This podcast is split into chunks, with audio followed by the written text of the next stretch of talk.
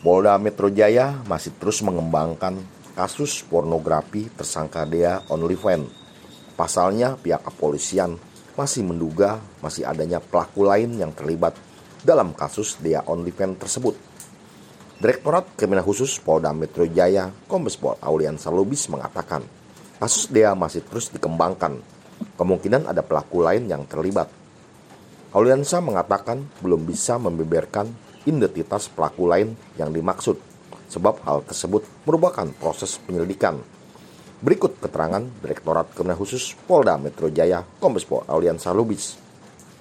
Wadir izin terkait uh, update kasus Dea OnlyFans untuk saat ini statusnya seperti apa? Ya, eh, baru saja eh, penyidik selesai eh, melakukan pemeriksaan terkait dengan Dea dari eh, OnlyFans ya. Eh, kemudian dari hasil pemeriksaan penyidik eh, kita sudah melakukan gelar, kemudian sudah kita tetapkan yang bersangkutan sebagai tersangka. Hmm, alat buktinya apa aja tadi?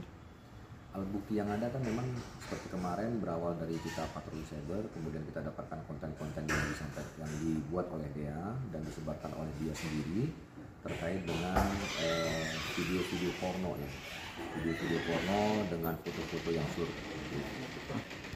Wadir uh, selain Dea ada lagi nggak yang dikejar oleh penyidik?